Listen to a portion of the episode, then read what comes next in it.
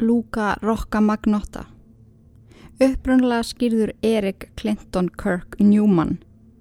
Fættur þann 24. júli 1989. Fóreldra hans, Anna Jorken og Donald Newman egnuðust hann þegar þau voru úlingar. Þau höfðu verið í sambandi um stund. En um leið og Erik kom í heiminn fóru þau í sikkur áttuna. Erik, eða Luka, var alltaf þessi strákur sem reyndi að passa í hópin. Gerði hvað sem er til þess að verða vinsætl og vinamarkur. En það gekk alltaf freka brusula hjá honum. Þar sem að fólk vissi yfirleitt ekkit hver hann var. Vissi ekki neitt um hann. Því að hann var þögull og feiminn. Hann var þessi skrítni strákur sem að satt aftast í stofunni í skólanum. Teiknaði myndir og skipti um hárlit einu sinni viku. Fór á milli þess að hafa svart hári yfir því að aflitaða kvítt. Þegar hann var 12 óra var hann svo reyður í skólanum að hann kastaði stóli kennaran. Reyði vandamál hans jógst með hverjum deginum eftir það. Hann var á endanum sendur til að búa hjá ömmu sinni. Hún vildi mikinn aga á heimilinu. Ef að Erik og yngri bræður hans, sem voru tveir, gerðu ekki nákvæmlega það sem hún sagði, lamd hún þá, lokaði þá inn í herbeggi, öskraði og blótaði. Þar sem Erik var elstur, var þann mest fyrir barðinu á ofbeldinu. Og maður spyr sig, getur þetta æsku tráma ítt undir alltaf hræðilega sem að gerðist í framtíð Erik?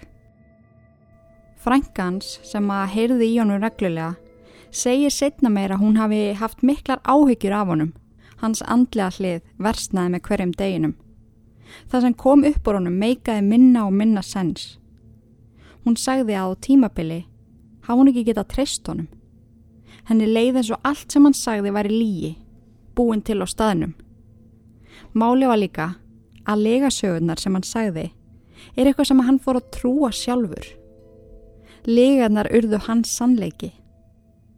Ef hann talaði um hlutina nógu oft, þá urðu þeir sannir. Mörg ekkar hafa líklast séð Netflix myndina Don't Fuck With Cats, en svo mynd fjallar einmitt um mál, Erik eða Luka Magnotta.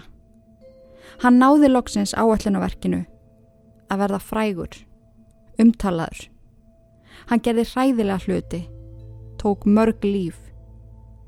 Eina ástæðin fyrir gjörðumans var fræð. Hann kreifaði það að fólk vissi hver hann væri. Krakkin í skólanum sem að enginn vissi um fekk loksins umtalið sem hann óskaði sér. Allonum hafi ekki verið slett sama hvort að umtalið var gott eða slæmt. En það sem ég get sagt eitthvað núna er að honum á endanum tókst áallunaverkið með því að taka upp einn ógeðslegustu vídjó sem til eru á internetinu.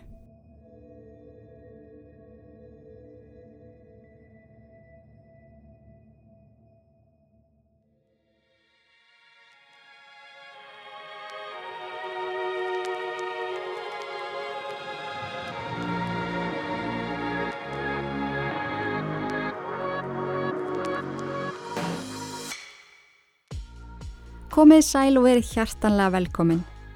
Inga er hérna með ykkur á þessum fagara miðugudegi eða fymtudegi.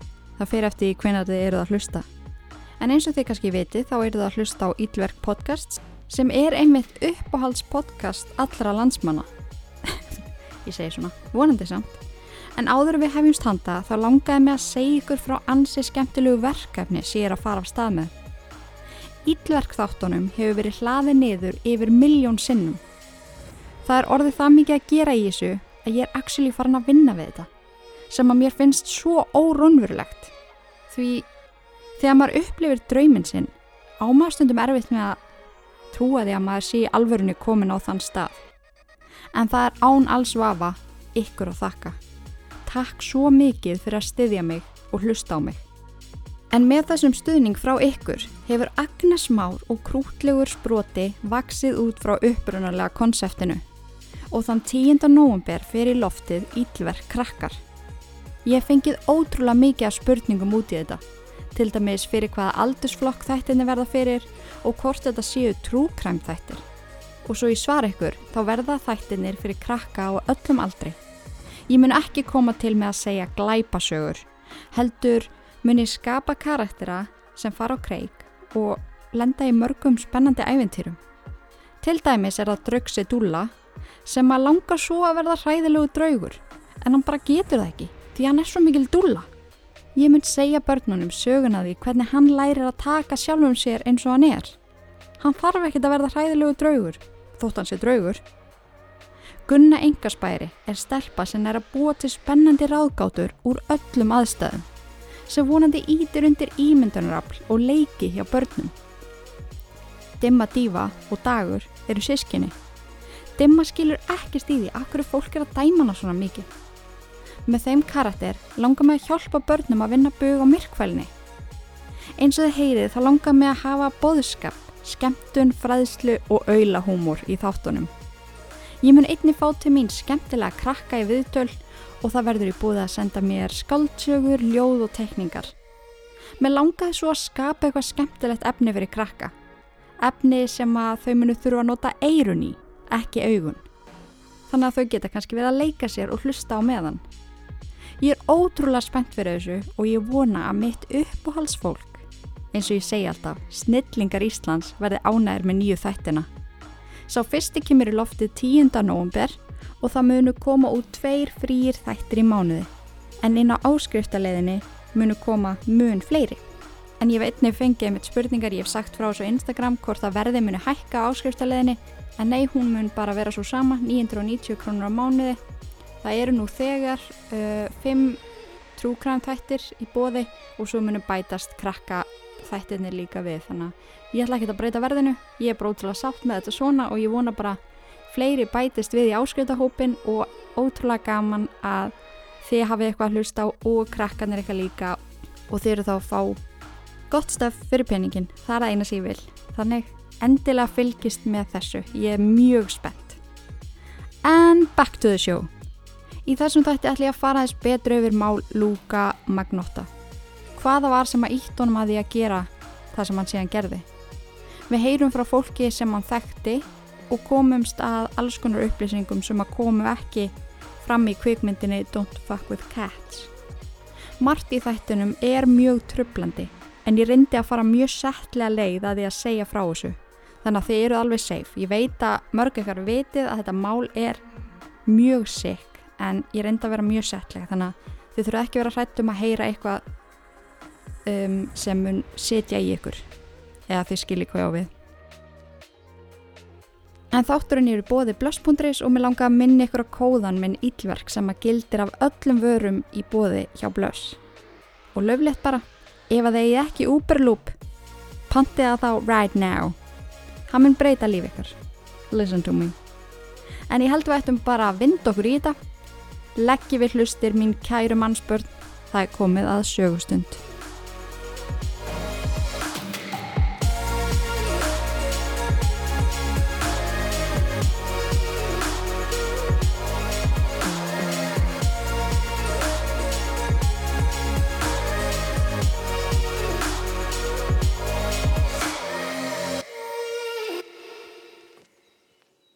Eric Clinton Kirk Newman var fættur og uppalinn í Scarborough, Ontario, staðsett í austur hluta Toronto í Kanada.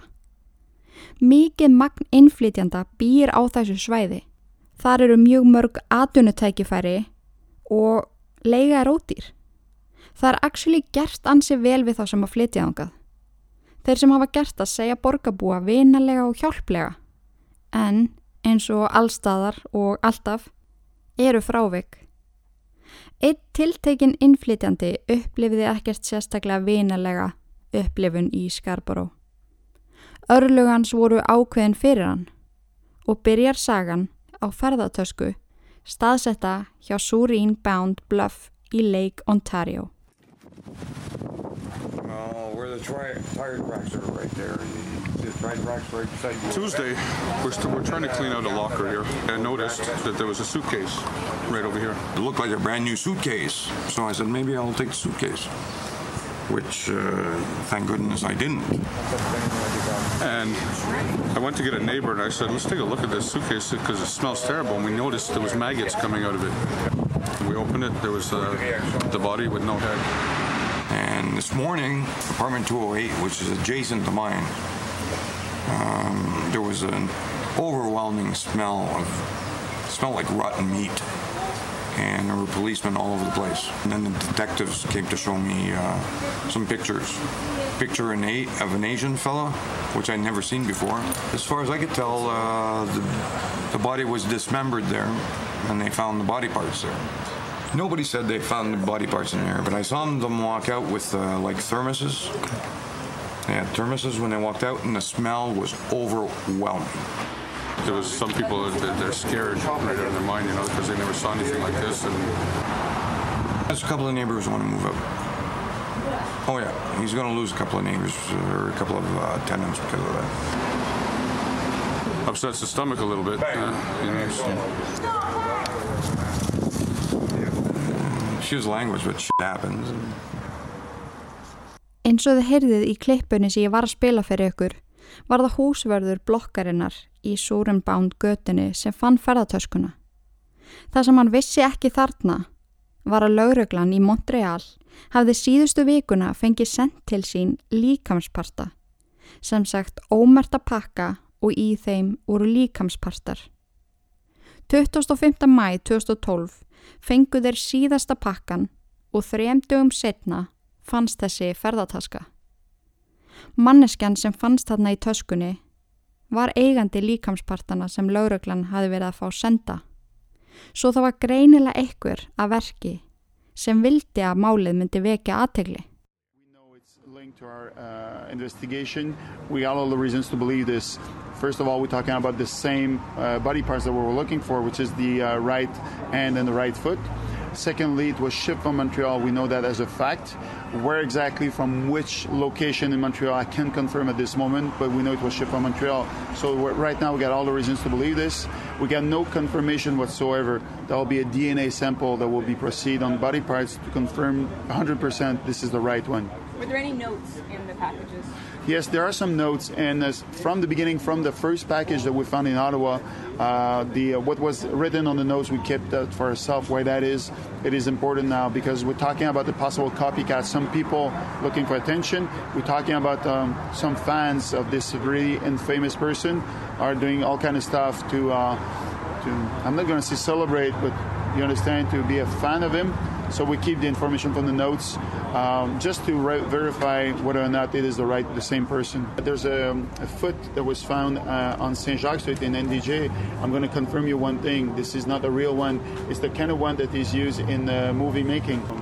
This is a very bad joke that was done this morning. Why that is, I got no clue, but this is a very bad and sad joke. It put everyone on the stress now, thinking that it could be body parts everywhere. And for us, we put some efforts. We, we sent up all the crew to that location uh, to do the investigation, finally to find out this is not a real one, this is an FX one. How many other copycat incidents other than this foot have there been, and what, what have been the nature? Talking about copycats, this is mainly uh, when we're talking about people present on the web, uh, sending false messages. So we got to be careful now, and that's the reason why um, sometimes we're just taking a, a few moments to confirm or not what's going on, why that is, because we don't want to go with everything on the web now.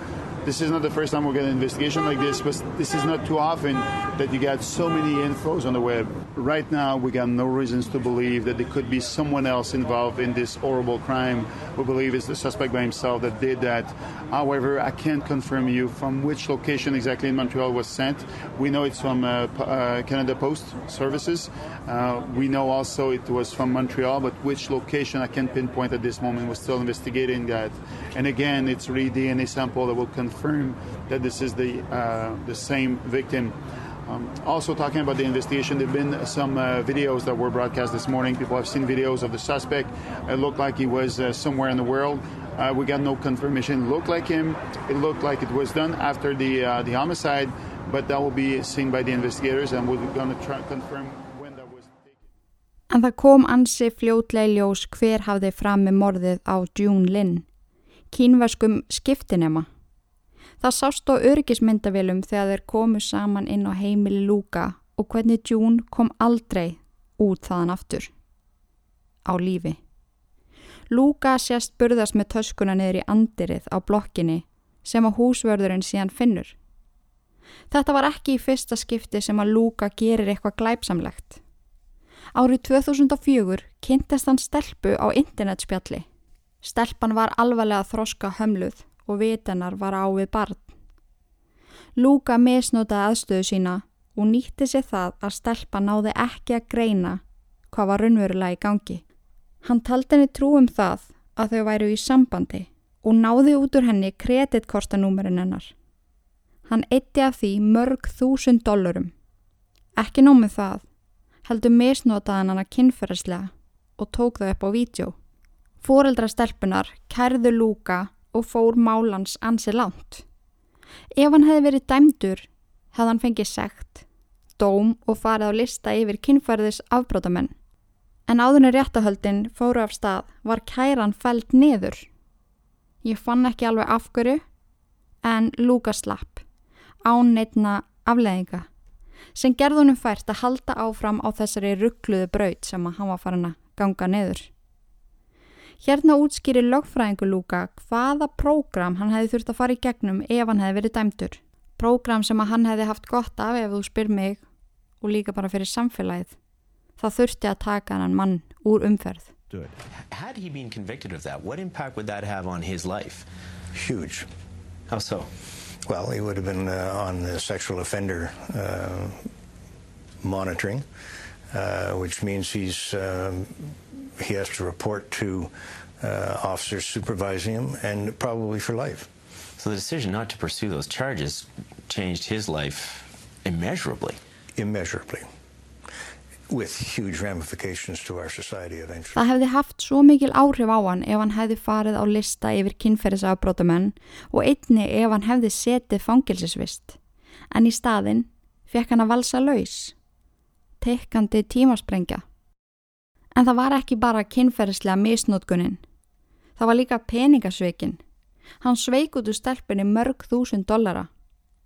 En svo ákjara var líka felt niður, svo hann þurfti ekki að greiða henni tilbaka.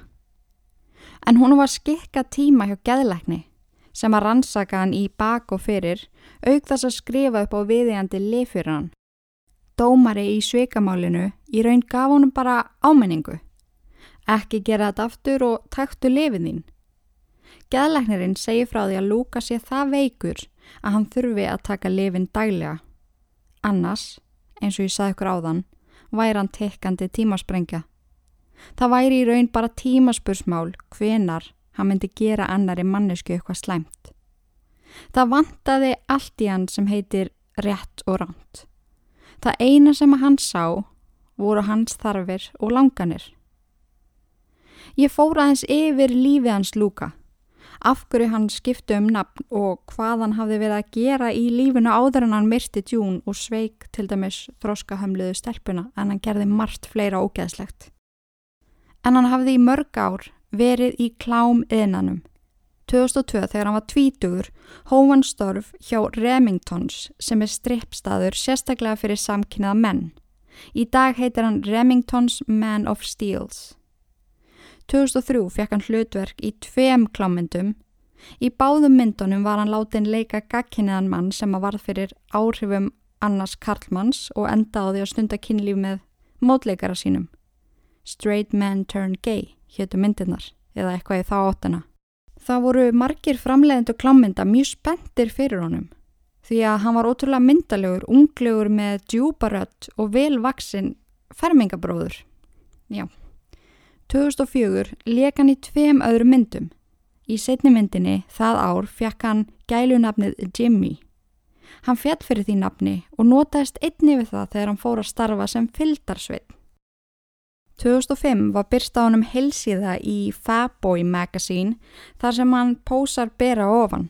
Ég var að glukka í þetta tímaritt og þetta er sett mjög svipað upp og síða hirtstúlkan, hérna í den.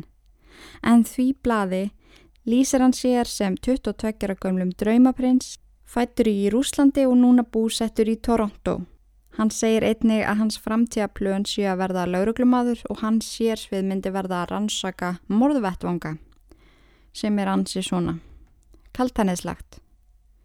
Árið 2006 eða ári eftir viðtalið í Fab Magazine breytti hann nafni sínu í Luca Rocco Magnotta. Sama ár byrjaði hann einni í sambandi með transkonu sem heitir Barbie. En við skulum heyra hvað hún hafði að segja um. I met Luca through a friend that I used to go to high school with. And he introduced me to Luca. It was his roommate at the time, back in uh, January of 2006. And um, he picked me outside um, of a, you know, at a male strip club with his car. And, uh, but his, his roommate kept wanting me to meet him. You know, he, he, you know, he kept begging me to, to meet his roommate. Lucas. So I finally met him, and uh, yeah, I thought he was a handsome guy. He was uh, a very interesting guy, but at the same time, I felt very. He was he was kind of like robotic. I felt like I was with a. Uh, he, he was just very mechanical. Like I, I felt like I was with somebody that. Like he was trying so hard to. To be perfect and to impress me. Um, the first date, he called me and he wanted to take me out to, dinner. Um, he ordered a limo, and uh, thought it was uh, it was you know quite romantic of him. You know, I never had a, a guy order a limo for me. I declined at first, but um, you know, he was like, "Well, I already ordered the limo. I can't cancel." So I was like, "Okay." I'll I'll go for it, you know. So I agreed, you know, and we went to Captain John for dinner. I mean, I knew he was working as an escort, so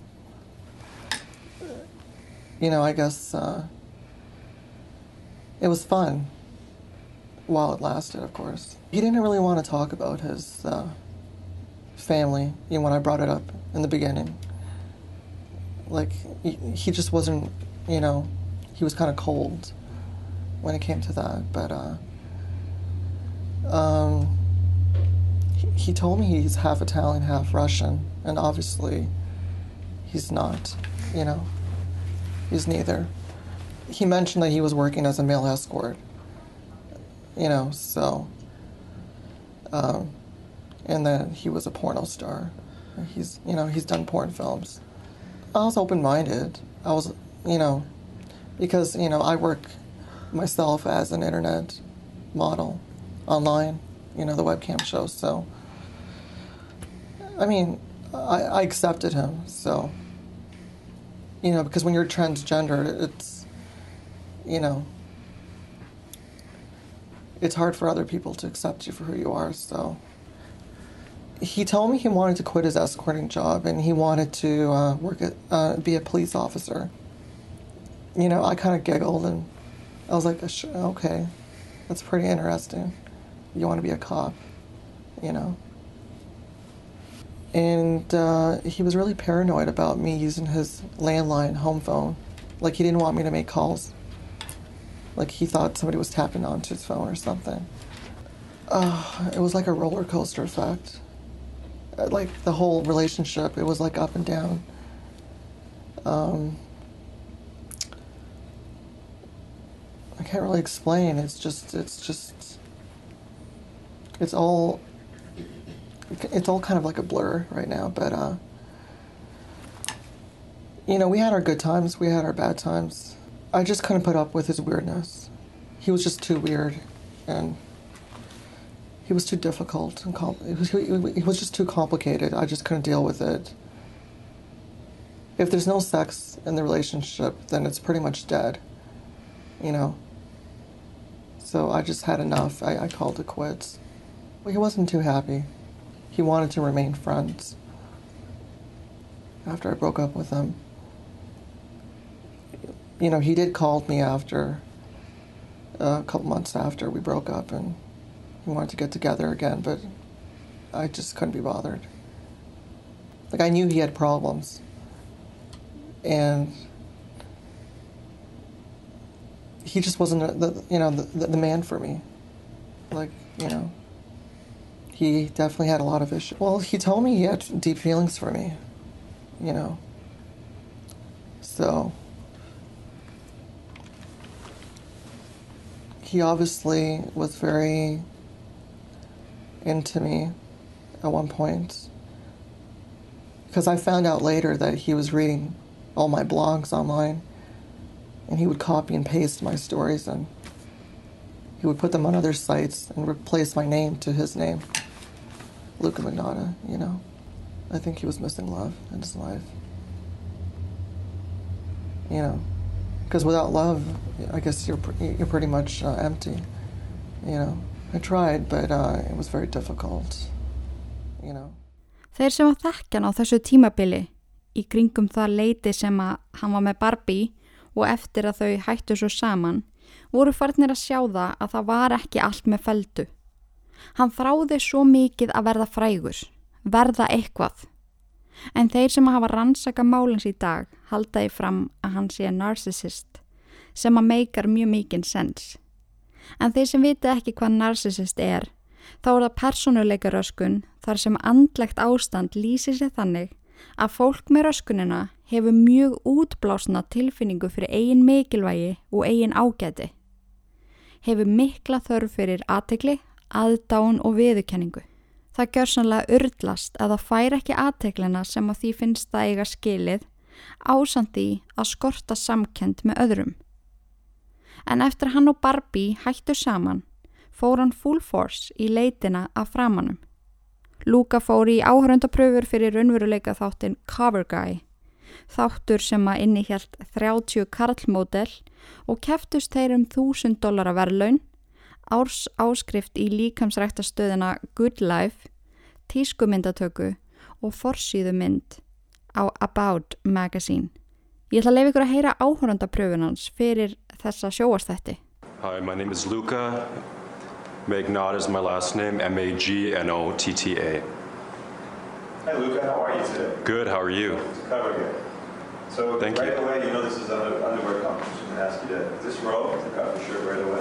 All right, definitely. John, how come when his voice was lower, yours went lower? I have a very deep voice. A lot of people tell me that actually. Yeah, you have a good speaking voice. So how do you get your voice so deep? How do I get my voice so deep? Uh, Practice makes perfect, right?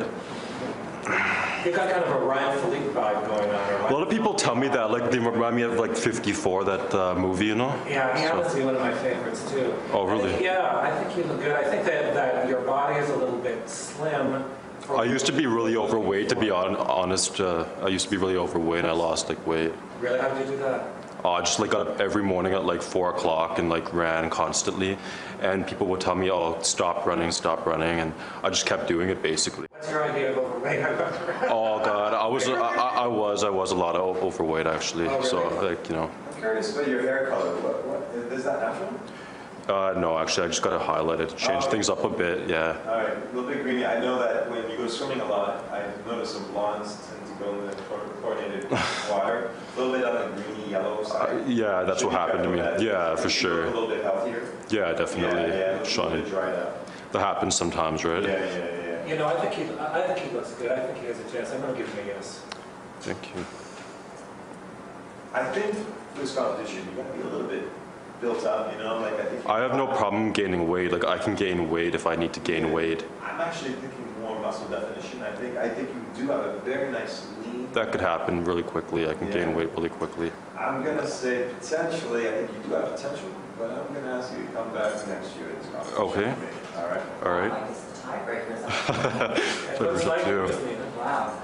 Um, Luca, I'm, I'm surprised to see how you look because I think you look better in person in front of me than you look in your modeling portfolio. Okay. I think your photos are overexposed and blown out. And All right. Lose your bone structure, and I think you have some interesting bone structure. Um, I mean, I think those photos look good. I do. I do. I think that they look very good. That's I think they look that's, hot. That's what attracted to. I think he looks better in the photo. A lot of people tell me I'm really devastatingly good looking, so. That I mean, a picture like that is kind of what sold him. yeah, but I think the problem is that what is good for cover guy isn't always what you're attracted to in your personal life. And I know that he's very your type. Well, everyone has their personal point of view, like who, who they like and who they don't like, basically.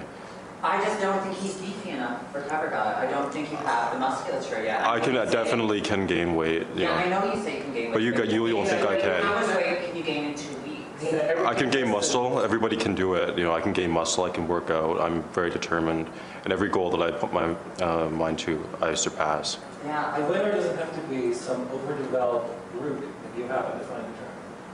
This is for everybody, and I think that he definitely deserves a chance.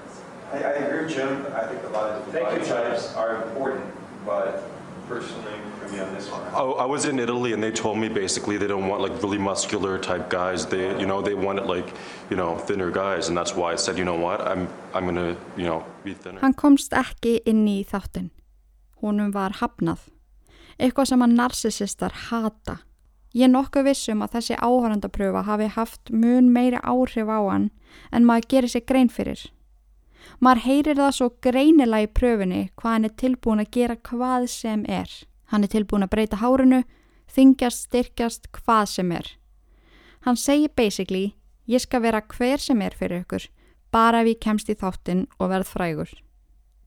Eftir þessa neitun fór hann í aðra pröfu fyrir ansi áhugaverða fréttastöð, Nude News, en þar voru leikarar í setti sem að myndi á alvöru fréttasett.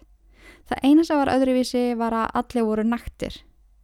Hann sótti um í þessari pröfu áður en nafnabreitingin fór í gegn, svo ekki blekkast þegar að spirillin kallar hann Jimmy, sem að var hans fyrra listamannsnafn. En hérna er áhörundapröfan fyrir það. You're an escort, correct? That's a very unique job. Tell me, how does someone end up in that career? Well, uh, I was a stripper first, and um, you know, one of the guys uh, who I was stripping with said to me, he said, uh, "Jimmy, since you don't like being a stripper anymore, um, being up on stage, you know, it's hard, uh, you know, hiding that uh, profession. You know, people uh, who I would know would walk into the club and you know see me naked, Yeah. even though I told them I did something else." Hard to hide when you're uh, naked on a stage. So uh, he said, uh, "Once you get into something more discreet, and you know, you, should- you know, you can keep your anonymity, Right. Be be be an escort." And I never know what it, knew what it was at the time. right. So what's it like? What's it been like for you becoming an escort? Do you enjoy your work? Yeah, you know, I really do enjoy my work. Um, I get to meet new people and uh, all the time, and uh, you know, I'm I'm a people person, and uh, you know, it just worked out great for me. You know. hmm Well, that's good. Now, it must be difficult, though, in your own personal life, you know, living the life of an escort. You must get a lot of flack from your family, your friends, people who are aware of what you're doing. you know, I'm not staying on a street corner soliciting Right. in any way, like I'm not a hooker, you know, like, you know, a car drives by, you know, go twenty dollars, you know, something like that. Right. You know, I, um, I, I'm like, it's really high, high end, high class, you know, clientele who I cater to. Right. And like, you know, I don't really tell a lot of family and friends because, you know, the stereotype that's associated with it, you Right. know, it, it's just not acceptable in our, in our uh, culture, basically. Right. You know, oh, he's an he's an escort. He's uh, a drug addict. You know, he's standing on a street corner. You know, he's you know, he's addicted to everything under the sun, right? Right. But that's I'm not your experience as an escort. No, no. My experience as an escort, I, I've you know traveled all over the world. Uh, you know. I don't have to be a stripper anymore, thank God. you know, um, I get to you know meet like you know really influential people and uh, you know a lot of um, you know great people around the city and internationally, and you know do like a lot of like high end things I've never been able to do Right. in another profession. I get you know what the best part is. The best part about being an escort is um, I'm my own boss. I get to pick my own hours and make a lot of money. So, having so much sex, I mean, does it ruin you wanting to have sex for your own personal pleasure? Like, you know, do you even bother having sex if there, there's no money involved? when I'm with somebody, it's like, am I am I with a client here or am I with uh, somebody who I'm caring about it? Like my feelings are all right. You know. it, though you find those lines blur between your personal life and your professional life. Og þarna fær hann enn eina höfninina. Hann landaði því meður ekki starfinu hjá Nude News, en hann gafst ekki upp. Hann var svo innilega tilbúin til að gera hvað sem er fyrir fræðina. Hann sótti um í raunveruleika þættinum Plastic Makes Perfect árið 2008, Þáttur sem var sérstaklega gerður um líta aðgerðir og þar áttu þáttakandur að fara í gegnum hinnar ímsu aðgerðir til að ná fullkomnun. Guðmi góður, þessi þáttur myndi ekki lifa lengi í dag. Svona smá útidúr. Munið eftir þáttunum The Swan. Ég dætt inn í þetta á YouTube um daginn og ég man svo vel eftir þess að skjá einum. Þar sem að ófrítt fólk sóttu um og sagði frá hlutunum sem að það vildi breyta það flutti inn í eitthvað svona villu í sex vikur, gekk í gegnum hellinga hérna aðgerðum, fekk í, já, fekk í rauninu svona makeover. Fjölskyldan þeirra fekk ekki að sjá þau á meðan þau voru í þessu prógrami, svo voru enga þjálfarar og næringafræðingar sem var unnu einn í því að létta þessa einstaklinga og koma þeim í betra form.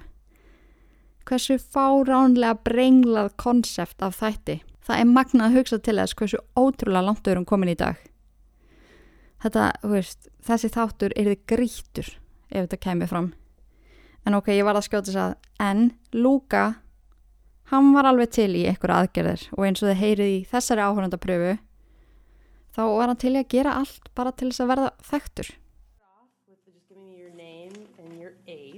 Okay. So go ahead. All right, my name is Luca Magnata and I'm 25. And what do you do for a living? I'm a model. Okay. Do you want to talk about the other stuff that you do? Yeah, or- definitely. Is that Uh, okay with you? Yeah, okay, that's great. all totally fine. Super. Basically, um, I do a lot of uh, adult modeling and um, I do adult films as well. And I'm pretty comfortable in front of the camera. So I'm doing it for a while and it's been working out pretty good for me. So And you do it full time.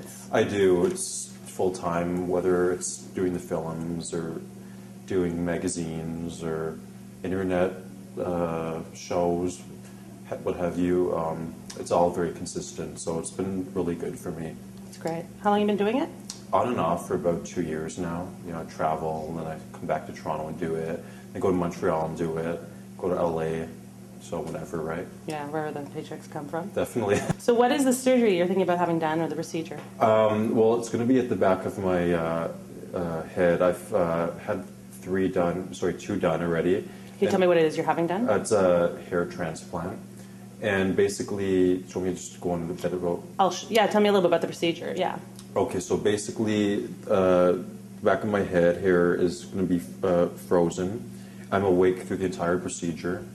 And there's like no, uh, uh, what do you call that? Anesthetic? And there's no, like, you don't get put under to sleep. Right. So basically, uh, they, they cut open the back of my head and they take a strip of uh, flesh off and they, they cut it off and they take it uh, to the side and nurses work on it for a few hours by taking each uh, individual hair out uh, of the graft. Then they sew the back of my head up and that takes about an hour. Uh, So they pull the skin down? or yeah, the- they pull it. They pull it down and tighten it and sew it back up. Then, while the nurses are working on taking the hairs out, uh, the doctor puts me back and he tries to decide where exactly all of them are going to be needing to be placed, so it looks very natural. Okay. And uh, as you can tell here in the front of my head, all, the hair is grown in pretty nice because I used to be receding, so it's it's grown in. And um, so basically, they take all of the individual hairs and one by one they put it, transplant it into my scalp.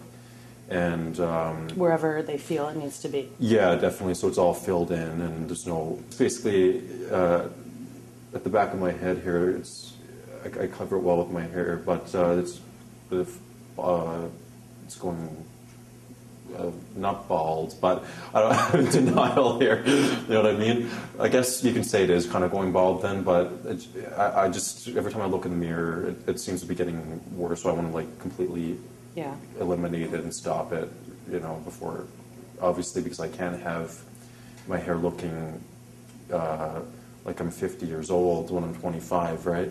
So I want it to look pretty good. Yeah. And um, I've had cosmetic surgeries done in the past, so I'm pretty used to them. And What have you had done in the I- I've had my eyes done here because I used to have dark circles underneath my eyes, and it was completely making me look like I was tired all the time. Um, I've had my nose done. I've had uh, two hair transplants, like I said before. And I'm planning on doing muscle implants in my pecs and my arms. So that just remains to be seen, but because that's pretty. You think you're a bit of an addict? Yeah, I- my name's Luca, and I'm a cosmetic surgery addict. But yeah, I, I would say to be out to be blatantly honest, I, I think that I, I am because just the profession that I'm in, it makes me more aware of my looks because I'm constantly seeing other people, you know, that are extremely good looking, how they look, and I'm comparing myself. So I need to um, step up my game basically, and that's why I'm having all these procedures done. Do you feel it's more a modeling thing or more of an adult entertainment thing? Do you feel the pressure? I would say it has to be both because both industries are so competitive uh, that they they they both need you to look your best all the time, and there's just a lot of stress and a lot of anxiety uh, in both industries. You know, so I, I have to say a bit of both. Definitely. There's pressure to look good. There is so much pressure to look good because you're you're on set with these other people and you know you, you see how they look and then after you, all your little flaws start coming out and you're like oh well you know this person looks that way and they have this sort of body this sort of face and hair and now I compare myself to this person so he has like fuller hair so now I want fuller hair he has a better nose so I want a better nose and this person's face doesn't have those so why should I have it if I can just pay for it to have uh, taken away and corrected why, why not I don't see any problem with it You look like you're, I mean, you're a handsome guy. I can't imagine you weren't that handsome before. You know what? Uh, A lot of people tell me that they say, you know what? Oh, you don't need it. You don't need it. But before, I was uh, I was good looking, but it was starting to fade, and I was starting to get very self conscious with that, and I I couldn't I could not deal with having my looks go. You know, before it was receding, like I was saying, and my nose was a bit different, and my you know now I just take very good care of myself by going to the gym all the time, working out, you know, eating properly. So I don't want to. It would kind of defeat the purpose if I was doing all of that exercise and then, you know, looking kind of ugly. Like because when I'm in the when I'm, when I'm seriously when I'm in the uh, the chair and they're doing like say my hair or something, or they can say, oh well, we, we better. It, it really gets me because they say to me, we better cut it uh, a bit longer at the back because we can see that it's starting to. And I'm like, don't even tell me that. Do not even tell me that it's starting to get uh, thin at the back. 'cause I don't want to hear. I'm in denial, like I said about it. So I'm like, okay, I, I've been hearing it so much lately, and the other act, like the actresses who I work with, they're like, um, yeah, it's kind of. They like point it out, and I'm like, you know what, that is not nice. Okay, I don't want to hear it. So, but they do tell me it, and you know, I guess uh, I have to hear it because you know. How important are your looks to you? Oh my God! If that's number one, okay. Number one is looks. Number two would have to be intelligence, and I don't know what the rest are. all I do, all I care about is number one. Basically, all I do is care about how I look um, by getting clothes, basically. Because you know what? When you're going out to parties, when you're going to events, when you're going traveling everywhere, you know you have to constantly wear something new all the time. You know you can't keep, you know, it's very, it's very, it's a very strange industry, but not a lot of people can understand unless you're in it, you know. So Do you think, um, I enjoy it though. yeah. Have you always been obsessed with your looks? Like, I mean, I have, like, seriously, people say to me all the time, even when I was a teenager, they're like, "Oh, you're completely vain. All you do is like stare in the mirror. If you walk by a mirror, all you do is like glance and look at it. You know, when you're in a restaurant, you just like take like a your, like your spoon, just like do a little like look in it, and you know, try to like check and see if you're okay. And a lot of my friends and family have been saying, you know what, you're obsessed with it. You're just so obsessed with how you, how you look and so obsessed with your cosmetic surgeries that we don't understand this. You know, we don't just don't understand you're becoming somebody completely different. and then going into an, an industry where it's all about your looks. It is, you know. So w- w- when you go from, you know, when you're in high school or something, and your looks, you know, they're they're important, but not like everything. Then you just go into an industry. Like uh, people on their day-to-day jobs, like who are not even in this industry, they really don't have to look their best. They have to look presentable. But they don't have to like look perfect. But when you're doing this and you're in front of the camera, basically, it's a whole different story. You know what I mean? People judge you so much, and it's it's not really nice, but you know, it's the way things are. If you don't look good, you don't look this way, you can't get that job, Yeah. you can't get, do this. Have you ever heard of uh, body dysmorphic disorder? Have you heard of that term? I've heard of it uh, briefly. Briefly, yeah. I know that it's people who look good and they think that they look completely hideous. So I, I don't have too much knowledge into the whole thing. So you think? I mean, you don't think you look hideous. You think you look good. You just want to look even. I think that I used to look hideous, and after that, after when I got all of my procedures done, I'm starting to look better and better. But I still feel as though I can look even more uh, handsome. You know, if I get, I finish my journey into getting the surgeries done. Yeah. You know what I mean? Do you um, do you think it'll help you, like in the adult entertainment industry? Do you think this is going to get you more work or make you more money? I have to say that um, it would get me a lot more work if I do get the uh, hair transplant done because I noticed a difference when I didn't have it as opposed to now. Because before it was as though um, I noticed that the jobs were going more and more to the other people.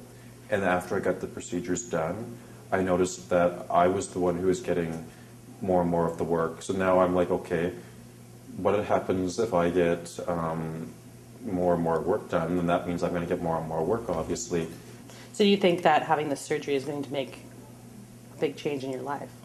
It's going to make a drastically uh, different change in my life, and it's just going to give me more self-esteem and like make me feel amazing about myself because it's very important for people to have high self-esteem and to feel good about themselves. And if going under the knife can uh, help somebody achieve that, then I think that it's a great thing.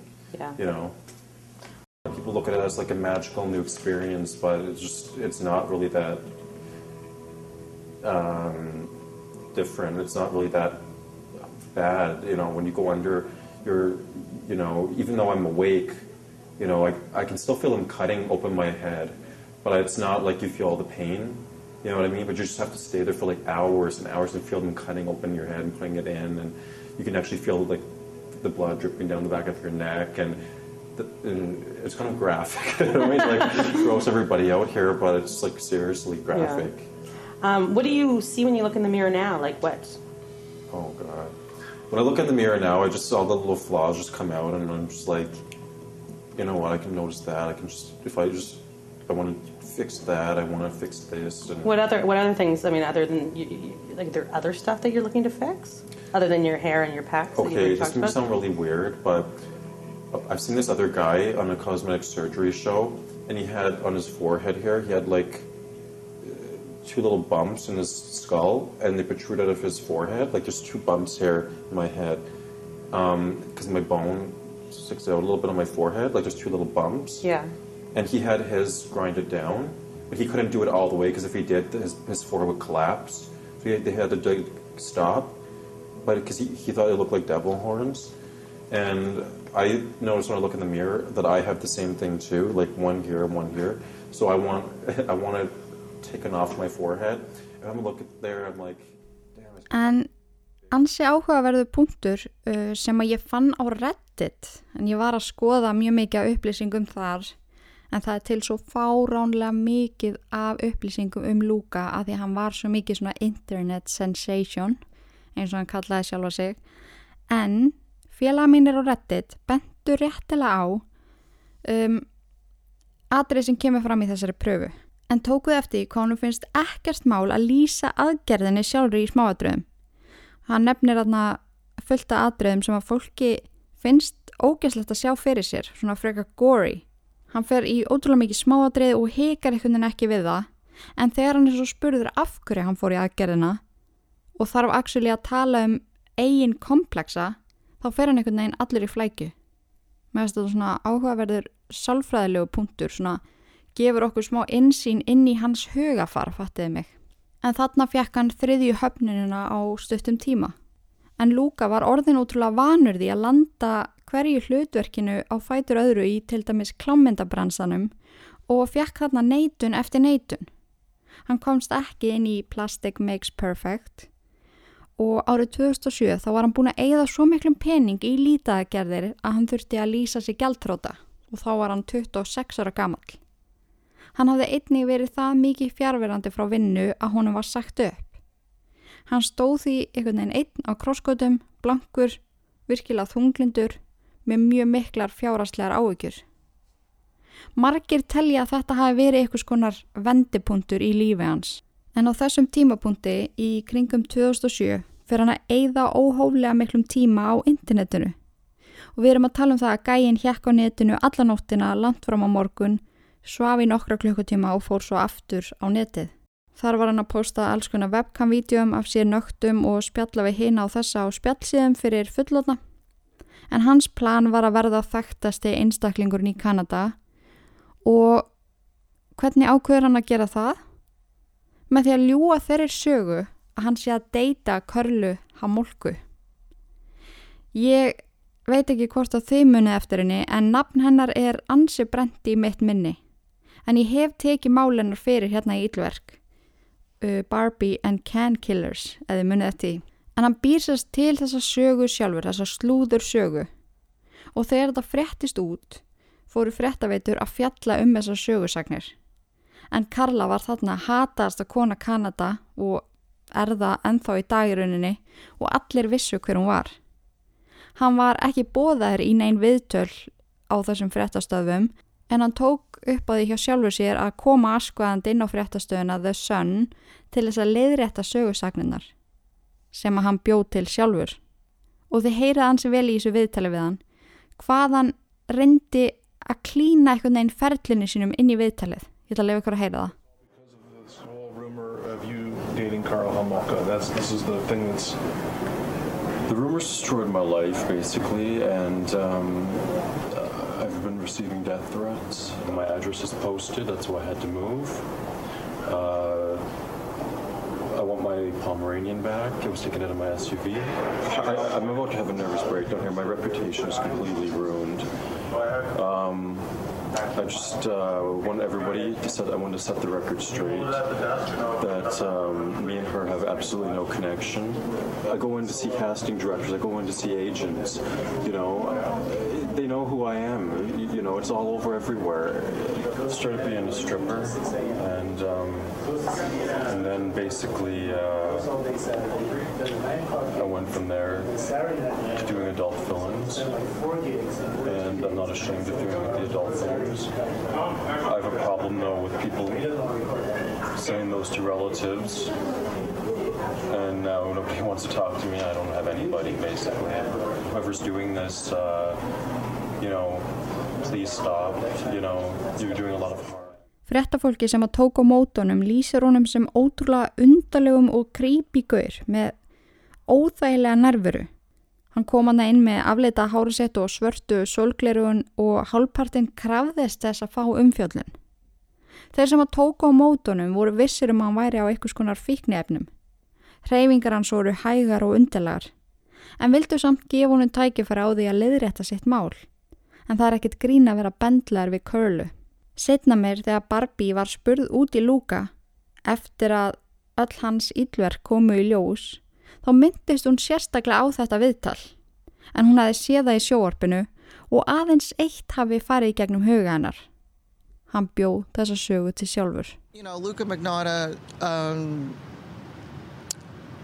yeah, he was very, um, he's very self-obsessed, extremely narcissistic.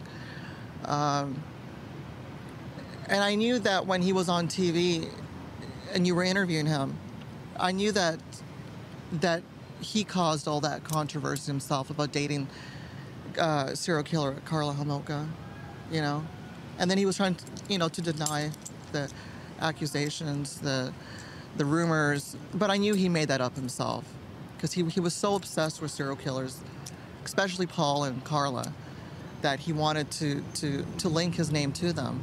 even then. Even then, yeah, because when I was with him in 2006, you know, he would he would uh, his face would lit up when he would talk about them. Like you know, So I knew he had some sort of fascination. En já, virkilega sniðu markasbrella að bendla sig við eitthvað frægan. Það skiptir ekki máli fyrir hvað manneskenni fræg. En umfjöllin dó mjög fljótt út. Eftir að hann var búin að leiðrætt þetta þá hugsaði fólk bara ok, grei gaurinn. Þetta hlutu að vera eitthvað mistök. Hann, hann var ekkit að deyta hataðastar aðmórðingja Kanada. En Lúka þurfti að bregðast við þessu. Hann fann hvað aðteglinn dælaði. Hún var ekki að takast það að verða þektur, verða heimsfrægur. En hann reyndi ímislegt. Eins og til dæmis að búa til sína eigin Wikipedia síðu. Þar sem að kemur fram að hans í heimsfrægur. En Wikipedia tók skrifans niður tvisasunum. Hann bjó líka til tugi aðganga á til dæmis Facebook þar sem hann dreifði ósönnum sögursögnum um Luka Magnotta eða sjálfan sig. En það sem virkilega kom honum á kortið eða því sem hann póstaði á veggin á fölsku aðgöngunum sínum sem hann hafi búið til, uh, gerður hans komist á kortið og vöktu mikinn óhug hjá fólki og þeir sem að hafið hort á Don't Fuck With Cats viti hvað ég á við. En á þessu tímabili átt hann 70 Facebook aðganga, 20 YouTube rásir og marga aðganga inn á alls konar spjallhráðum. En á þessar síður fer hann að posta vídjói sem heitir One Boy, Two Kittens. En innblásturinn var Two Girls, One Cup og Three Boys, One Hammer. Og ég ætla að byggja ykkur með öllu mínu hjarta ekki leita uppi þessi vídjó. Þau eru ógeðsleg. En hann fekk frá þeim hugmyndina. En það er fjallað um þetta vídjó í myndinni. One Boy, Two Kittens. Ég hef aldrei hort á það og ég einfallega geta ekki, þetta er svo hræðilegt. En í stuttumáli þá setur hann tvo kettlinga í loftpoka og sígur svo loftið úr pókanum þannig að kettlingarnir kapna. Við skulum ekkert fara meira út í það en þetta vídeo dreifist mjög fljótt því að fólk er virkilega reitt. Hann er ekki að fá jákvæða aðtegli þarna. Fólk er miklu meira en að koma staði hverju þetta er bara svo að sé hægt að kæra hann fyrir dýranýð. En eins og kemur fram í myndinni þá fer hópur fólks í stífa rannsóknarvinnu. Þeirra helsta markmið er að finna hann. Á vídjónu þar sem hann tekur líf kettlingana sést í bakgrunn herbyggi og það er greint fram og tilbaka hvert einasta smáatriði skoðað. Teppi á rúminu, síkrættupakki, riksugu tegundin sem sést á myndinni, bara allt. Rannsóknateimið finnur svo mynd á annari síðu af þessum litlu kettlingum í sama herbyggi og þeirri mynd var andlit gerandans ekki hulið. En þeir höfðu ekkit nafn. Þeir höfðu ekki hugmynd um hver þetta var. Það var greinilegt að The Vacuum Kitten Killer, eins og hann var kallaðu þarna, var að droppa eitthvað skonar hindi. Hann elskaði aðteglina. Og ég spyr mig hvort að hann hafi viljað að kemist upp um hann eða vildi hann bara búa til umtal. Því hann postar þessari mynd eftir að vídjónu var postað. Fjórum dögum eftir að þessari mynd var postað kom upp önnur vísbending, skilaboð frá einum af feik aðgöngum Lúka. Og í því stendur. Morðingin sem þau eru að leita af heiti Luka Magnotta. Hann er fættur í Rúslandi en býr núna í Hollywood. Íbúðin sem að kettinni voru drefnir í er staðsett í Hollywood. Ég vona að þetta hjálpi. Þegar þeir fengu þetta brefi í hendunar var flett upp nafninu. research and we had to stop and saying, is this real? Are we imagining this or is this, it's too surreal. This can't be happening. And we had to take a step back and say, let's look at this from an objective mode. Is this real? What was surreal? Everything on the internet about him. 50 different blogs and a, a whole bunch of YouTube profiles and MySpace profiles, and I can't even name. I mean, eh, it seems like every day they're finding new, totally new, new different websites that he purportedly created. You've got to spend a lot of time on the internet. Had a house in Paris. Had a house in Paris, Miami, Boston. I mean, eh. There's pictures of him with sports cars, Yeah. making it look like he lives this glamorous lifestyle, but hundreds of Facebook profiles and pages and groups. Með öllum þessum Facebook aðgöngum, YouTube, Reddit og bara you name it, var hann að reyna að vera eitthvað allt annað en hann var.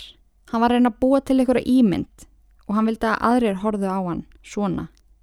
Hann postaði myndum af sér frá öllum hornum heimsins. Þar sat hann ímist í dýrum sportbílum eða á ströndinni. En allar þessar ljósmyndir voru feik. Hann hafði bætt andlitin á sér inn á myndir af öðru fólki til að líta út fyrir að hafa verið að ferðast um allan heiminn. Hann notaðist svo við gerfi aðganga til að kommenta undir myndirnar hjá sjálfum sér. Eins og einu sinni kommentaðan undir sína eigin mynd Luca is the Prince of Canada. Það sem að hann hins vegar fattaði ekki var að svona myndir innihalda eitthvað sem kallast metadata og með því er hægt að fletta upp upprannlegu myndinni, frekar auðveldlega. Stundum er meira að segja hægt að finna út nákvæma staðsendingu, sem sagt hvar myndin var tekin. Í leitinni fundust margar mjög ógeðfeldar myndir sem að hann hafi dreift á hérna ýmsu síður og þar var til dæmis dýranýð og ekki bara meiða þau heldur að stunda kynferðislegt atferðli með þeim. Eða ég veit ekki hvað orðið er best að nota. En á ennsku heitir þetta bestiality. En hann hafði ekki enþá postað vídjói af sjálfu sér að gera eitthvað svoleiðis með dýri. En meða við allt sem hafði gengið á var bara tímaspursmál hvenar hann myndi gera það. Þeir sem að rannsökuðu málið óttuðus líka að þetta væri bara byrjunin. Næst myndan skada fólk, jáfnvel börn, en sama hvað var leita mikið af honum þá fannst hann hverki. Hann var einhvern veginn algjör draugur og skildi hverki eftir sig slóður, en hann var samt mjög virkur á internetinu meðan. Póstaði endalust á alla þessa feika aðganga. Efni var þá yfirleitt af honum í París, á Ferrari og svo aðrar í Herbyggi að setja kettlinga í plastbók og eitthvað svona, eitthvað svona viðbjöður.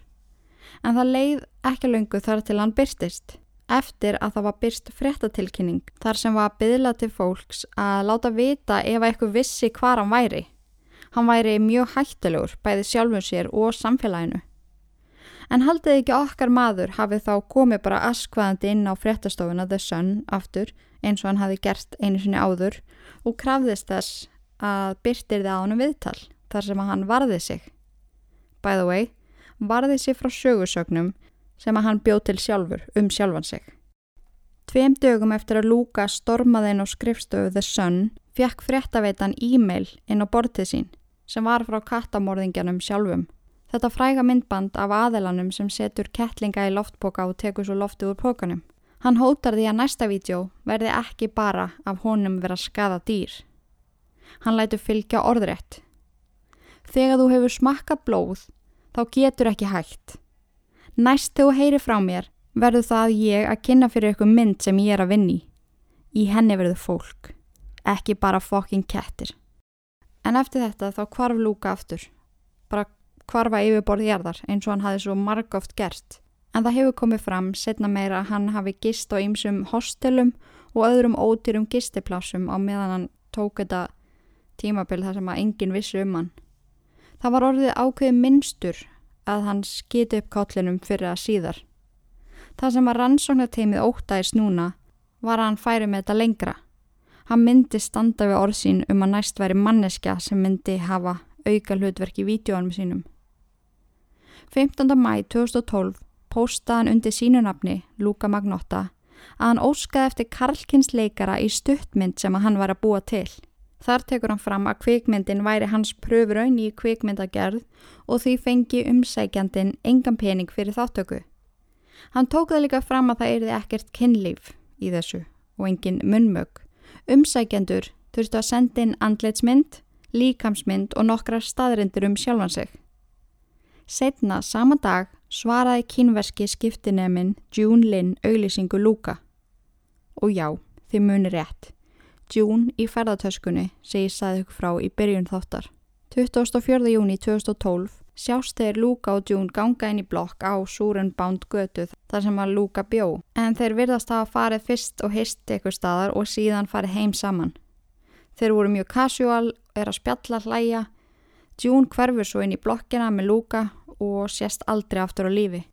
En eins og ég saði ykkur frá fyrir þættinum fekk Luka innblástur frá vídjónum Two Girls One Cup og Three Boys One Hammer og bjóð til vídjóið fræga One Boy, Two Kittens.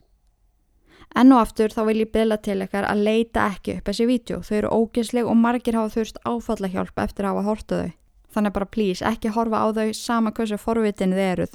Mér er að segja ég sem er forveitnasta manneski heimi, ég gæt hafið mig því að ég get ekki séð svona. Ég myndi ángriðs fá martræður og þetta myndi aldrei fara úr hausnum á mér.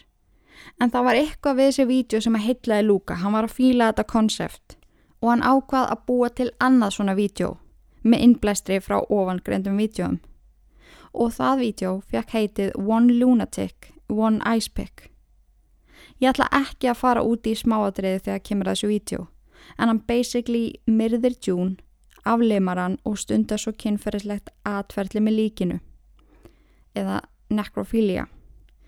Myndbandið dreifðist mjög fljótt um internetið. Fólk var forvitið að sjá um hvaða snerist. Lúka var líka fullu að deila því út um allt. Inn á alls konar spjallsíður, Facebook, YouTube, Reddit, bara name it. Eins og með hinn vídjóin, Two Girls One Cup, One Boy, Two Kittens og öll þessi ógeðslu vídjó, þá tóku YouTuberar svona reaction áskorun.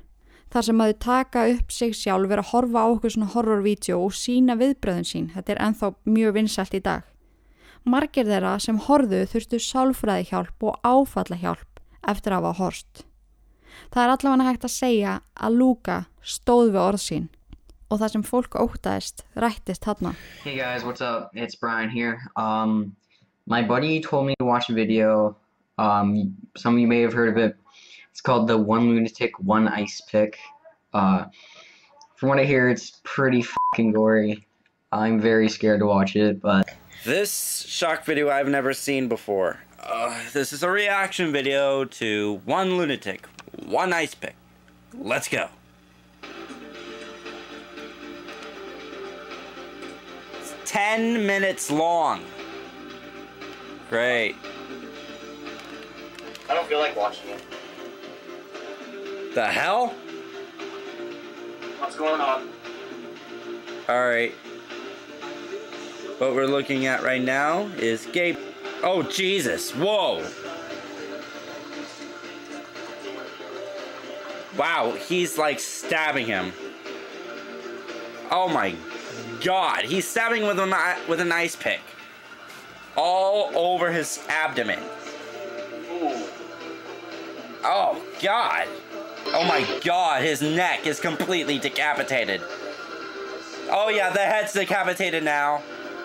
So what now? You got the head uh, cut off. Now what are you gonna do? Cut up the rest of the body. Oh my god.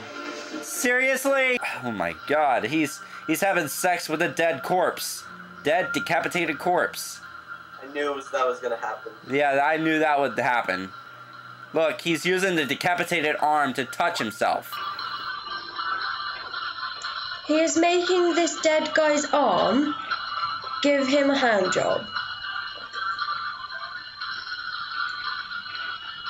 Oh, oh my god, I don't need to see that! What? see that bone cut cut off. Bone. I wonder if they'll ever find the head. I don't know. This is right now. I think this is more gruesome than three one guy.